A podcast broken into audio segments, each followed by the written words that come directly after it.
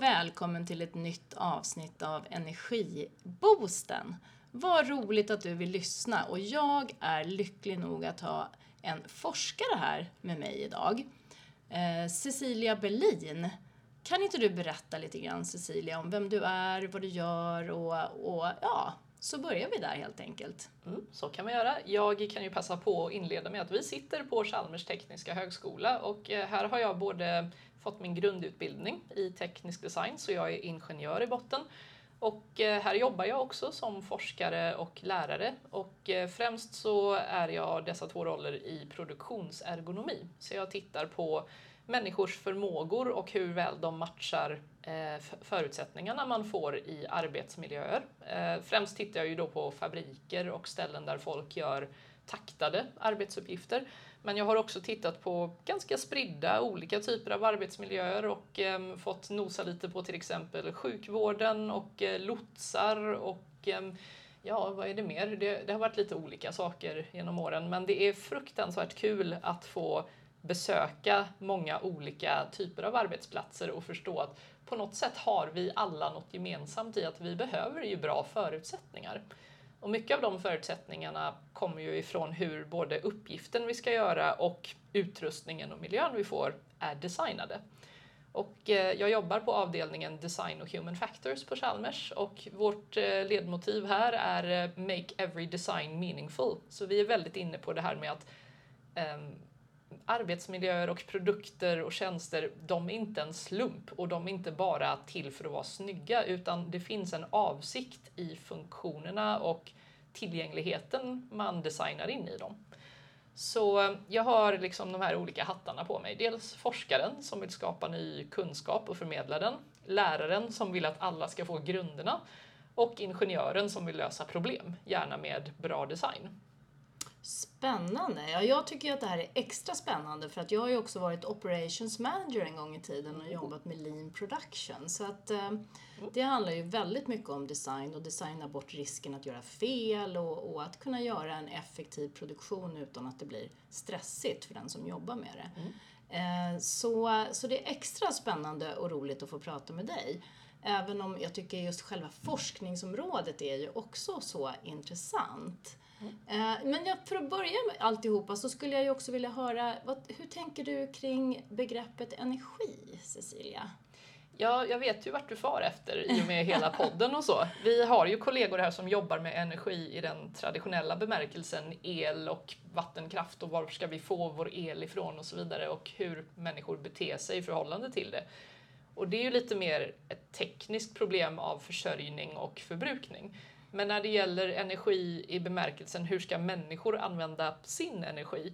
Det är ju jättefascinerande för att begreppet är lite svårt att fånga med eh, forskningstängerna kan man säga. För vi vill ju gärna att något ska vara mätbart eller möjligt att avgränsa som att jag mäter eller jag studerar det här men inte det här. Men energi kan ju både förbrukas av och komma ifrån så väldigt många olika källor som inte nödvändigtvis tas emot densamma för varje individ. Så jag skulle se en jättestor utmaning i att försöka hitta rätt i att forska kring människors energi.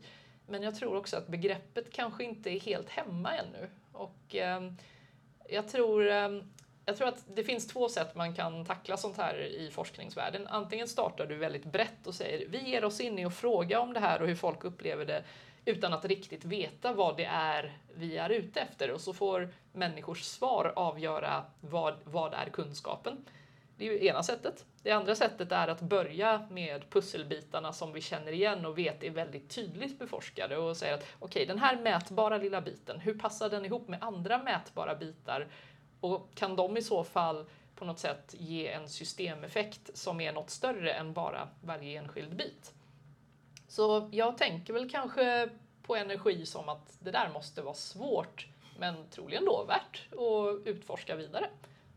Ja, jag hoppas att jag har väckt lite nyfikenhet hos dig här, för det skulle behövas några. Det kanske finns forskare där ute i ärlighetens namn jag hoppas ju verkligen det, för att jag tror att det här är ett viktigt område för oss människor framåt. Om vi, mm. vi behöver kompetensutveckla oss inom det här området.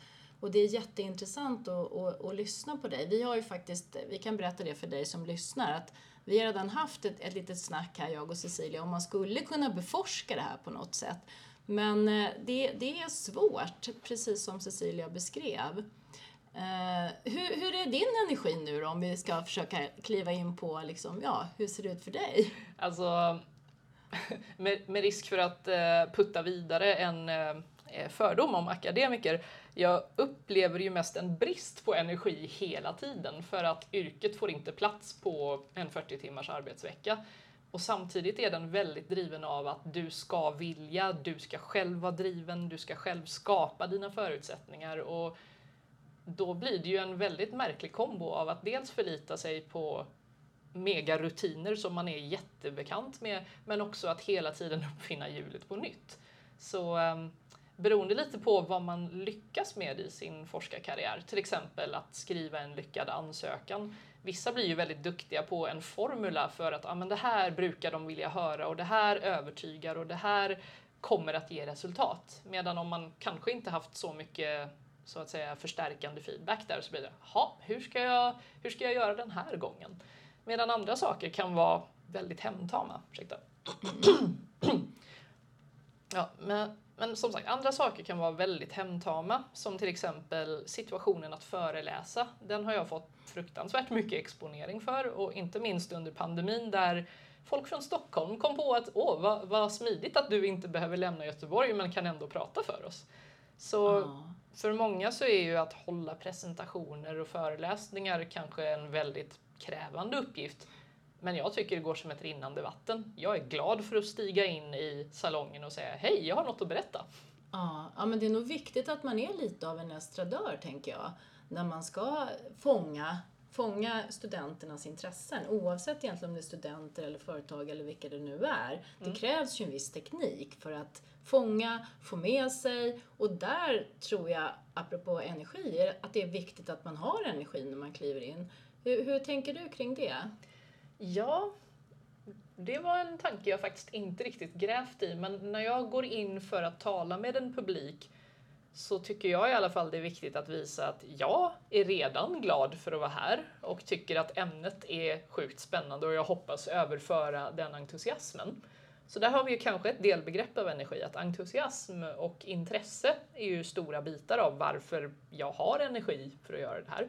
Mm. Eh, och sen också i den mån det är möjligt försöka knyta an till rummet och varför de är här och varför jag förstått att de har ett intresse. Så just det där med att, ja, men att knyta an till, hej, jag har förstått att det finns eh, en poäng med att jag är här som jag hoppas ska ge er någonting. Att liksom förklara den goodwillen tror jag kan föda lite energi. Att jag, mm. jag är här för att berätta något för er skull primärt. Inte för att det ska vara jag, jag, jag. Utan, eh, ja, och det är det jag säger till mina studenter faktiskt också att hjälper det er inte att gå på föreläsning så är ni välkomna att läsa själva. Och eh, jag har inget emot det, utan jag är här för att göra det lätt för de som tycker att det är lättare att ta till sig via föreläsning. Så då tänker du på deras energi kan man säga. För de som inte får energi av att se dig utan vill hellre sitta och läsa.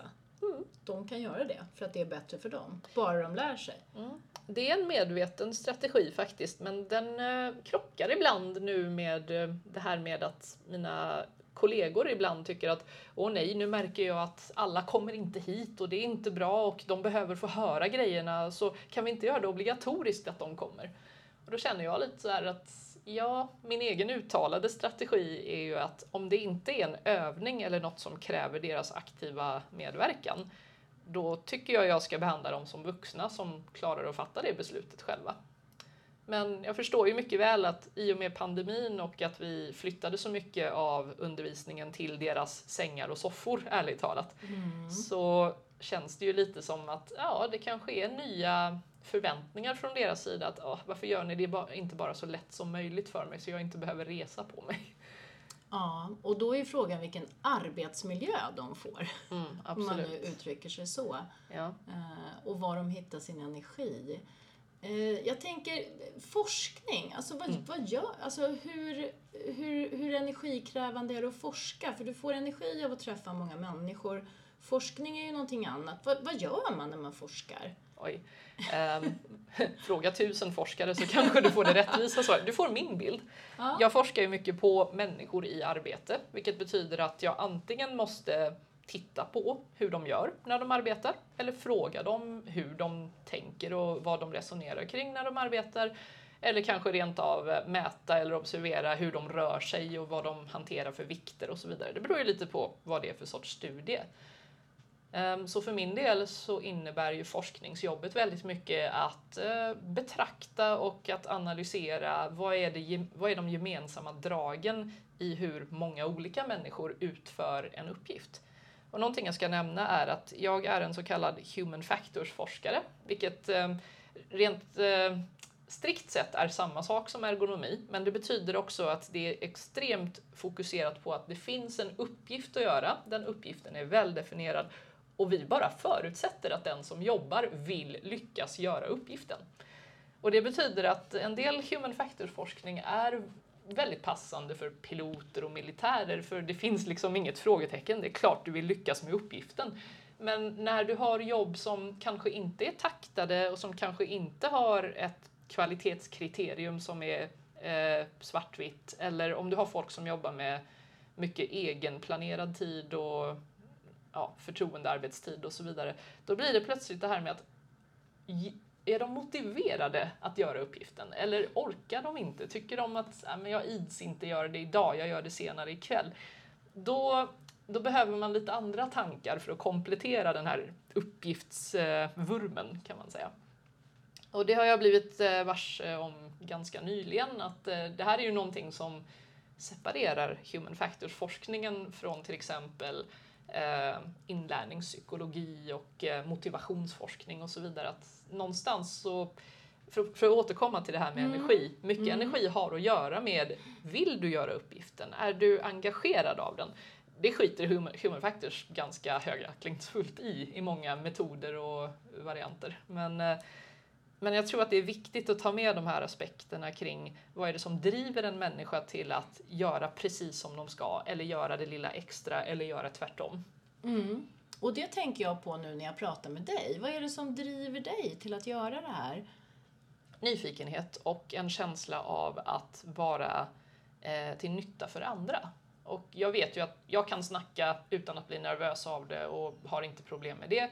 Så varför inte nyttja det till att förhoppningsvis underlätta inlärning av ämnet ergonomi? Så so far so good. Sen vad gäller forskningen så är det väldigt mycket att det är häftigt att jobba med saker som folk inte har en liksom, faktabank på redan. Som är så här, ja men hur hänger det här ihop? Är det bättre med det eller det alternativet? Och att kunna ge lite råd när man har utforskat det lite och säga att nu har vi tagit till strukturerade steg för att kolla det här. Och det här är den bästa kunskapen vi har nu kring vad som finns att rekommendera. Och det kan ändras om tekniken ändras om tio år. Till exempel, just nu håller jag och min kollega på med att titta på är VR-miljöer ett bra arbetsverktyg för att själv göra liksom, kontorsuppgifter? Så det finns mycket VR-forskning nu som har att göra med, är det en bra mötesplattform? Kan vi ta avatarerna på allvar? Och hur beter vi oss i möten och så vidare? Och det är inte det vi tittar på, utan vi tittar på om du vill vara i fred och kanske sprida ut alla dina dokument i en virtuell rymd och sitta och skapa dokument och göra uträkningar. Är det här ett bra verktyg eller kommer det gå käpprätt? Det, det är ju liksom ah. spannet av möjlighet att vi, vi kanske kommer på att nej, gör det inte.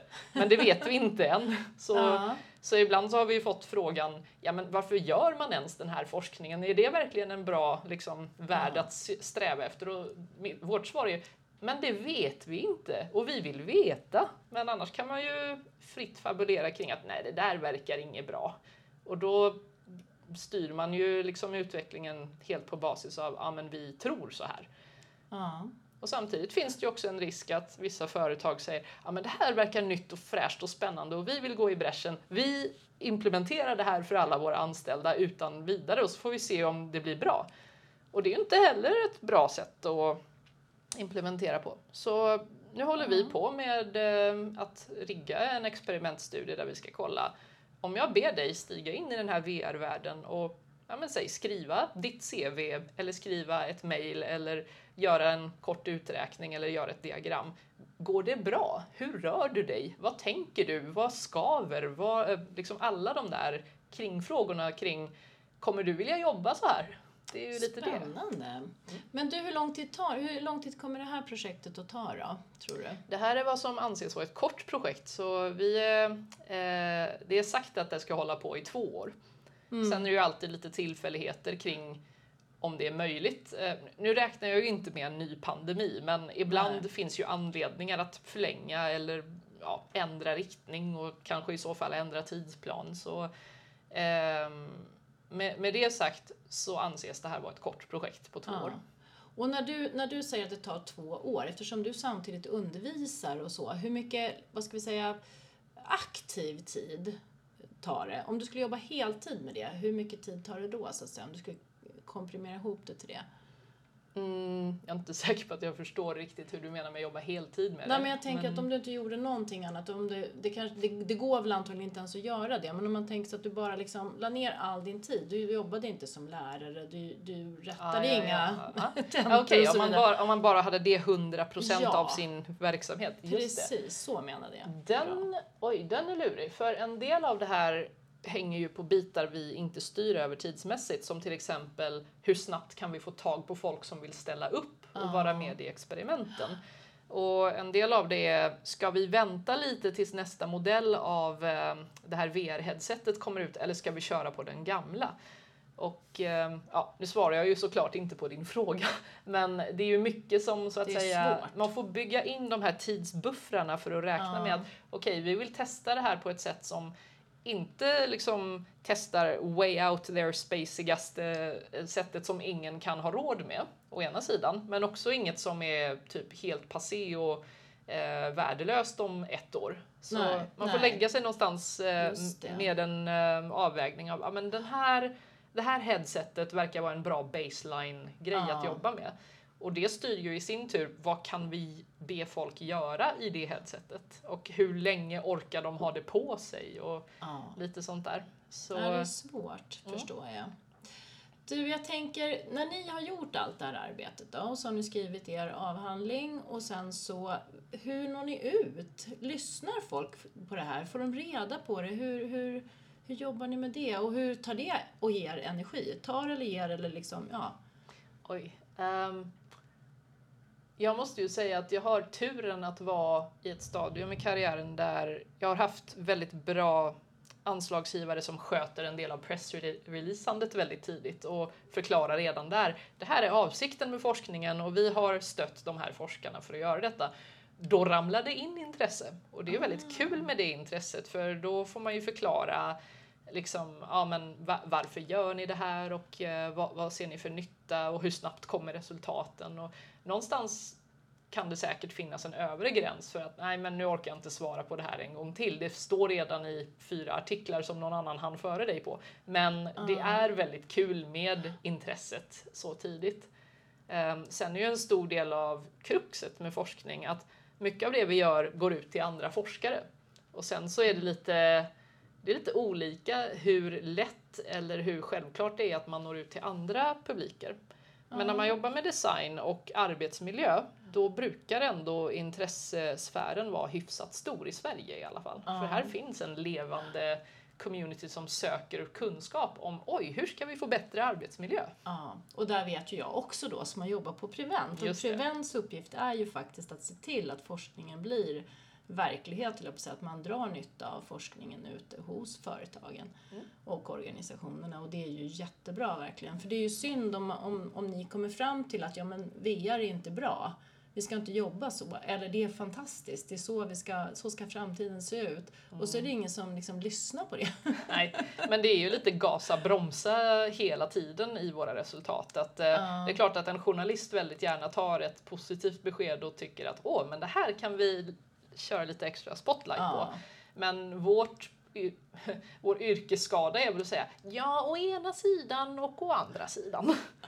Och det är väl det nyktraste vi kan göra för att inte begå tjänstefel. Nej men jag förstår det. Nej, men jag tycker det är så spännande med forskning. Så vi ska väl ta och avsluta det här för vi ska, vi ska spela in ytterligare en podd, jag och Cecilia, där vi ska prata mer om just forskningsprojekt som hon håller på med här på slutet. Så det kommer också komma här så småningom. Men för att runda av så tänker jag fråga dig, vad är det som har tagit mest energi för dig den här veckan? Jag vet att du inte har tänkt kanske den tanken tidigare, men du får tänka. Alltså lustigt nog, eller lustigt är det inte, men talande nog så är det rädslan att inte hinna allt jag har att göra på den tid jag har kvar. Mm. Och den tanken i sig är väldigt energikrävande. Verkligen, jag förstår. Du, eh, vad är det som har gett dig mest energi den här veckan då, som har varit? Du, knasigt nog, vädret. Det faktum att man kan vara utomhus, få en pust med frisk luft kombinerat med en behaglig värme och vi har ganska god utsikt hos oss där jag bor och eh, att bara kunna ta in hela landskapet så här, åh det är vackert, det är sommar, folk sprudlar och gör en massa roliga saker kan jag se härifrån, där är två luftballonger. Att man får lite så här vidga vyerna. Jag tror faktiskt att utsikten ger mig energi också, ärligt talat. Jag kan tänka på hissingen fast jag inte är där för jag ser den. Ja men vad härligt. Jag älskar också utsikt. Du, eh, jag tänkte bara fråga, veckans energitips från dig då? Vad kan det vara? Oh, veckans energitips.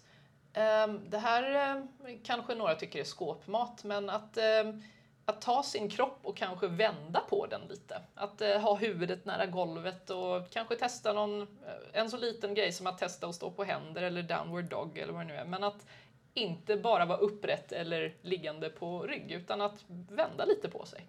Wow, det har jag aldrig hört förut. Vad spännande, det ska jag genast prova. tack så jättemycket för att du är med här, Cecilia. Tack själv! Och tack för att du lyssnar där ute. Jag hoppas att du har njutit av den här stunden, för det har jag. Tack, tack. Hej då.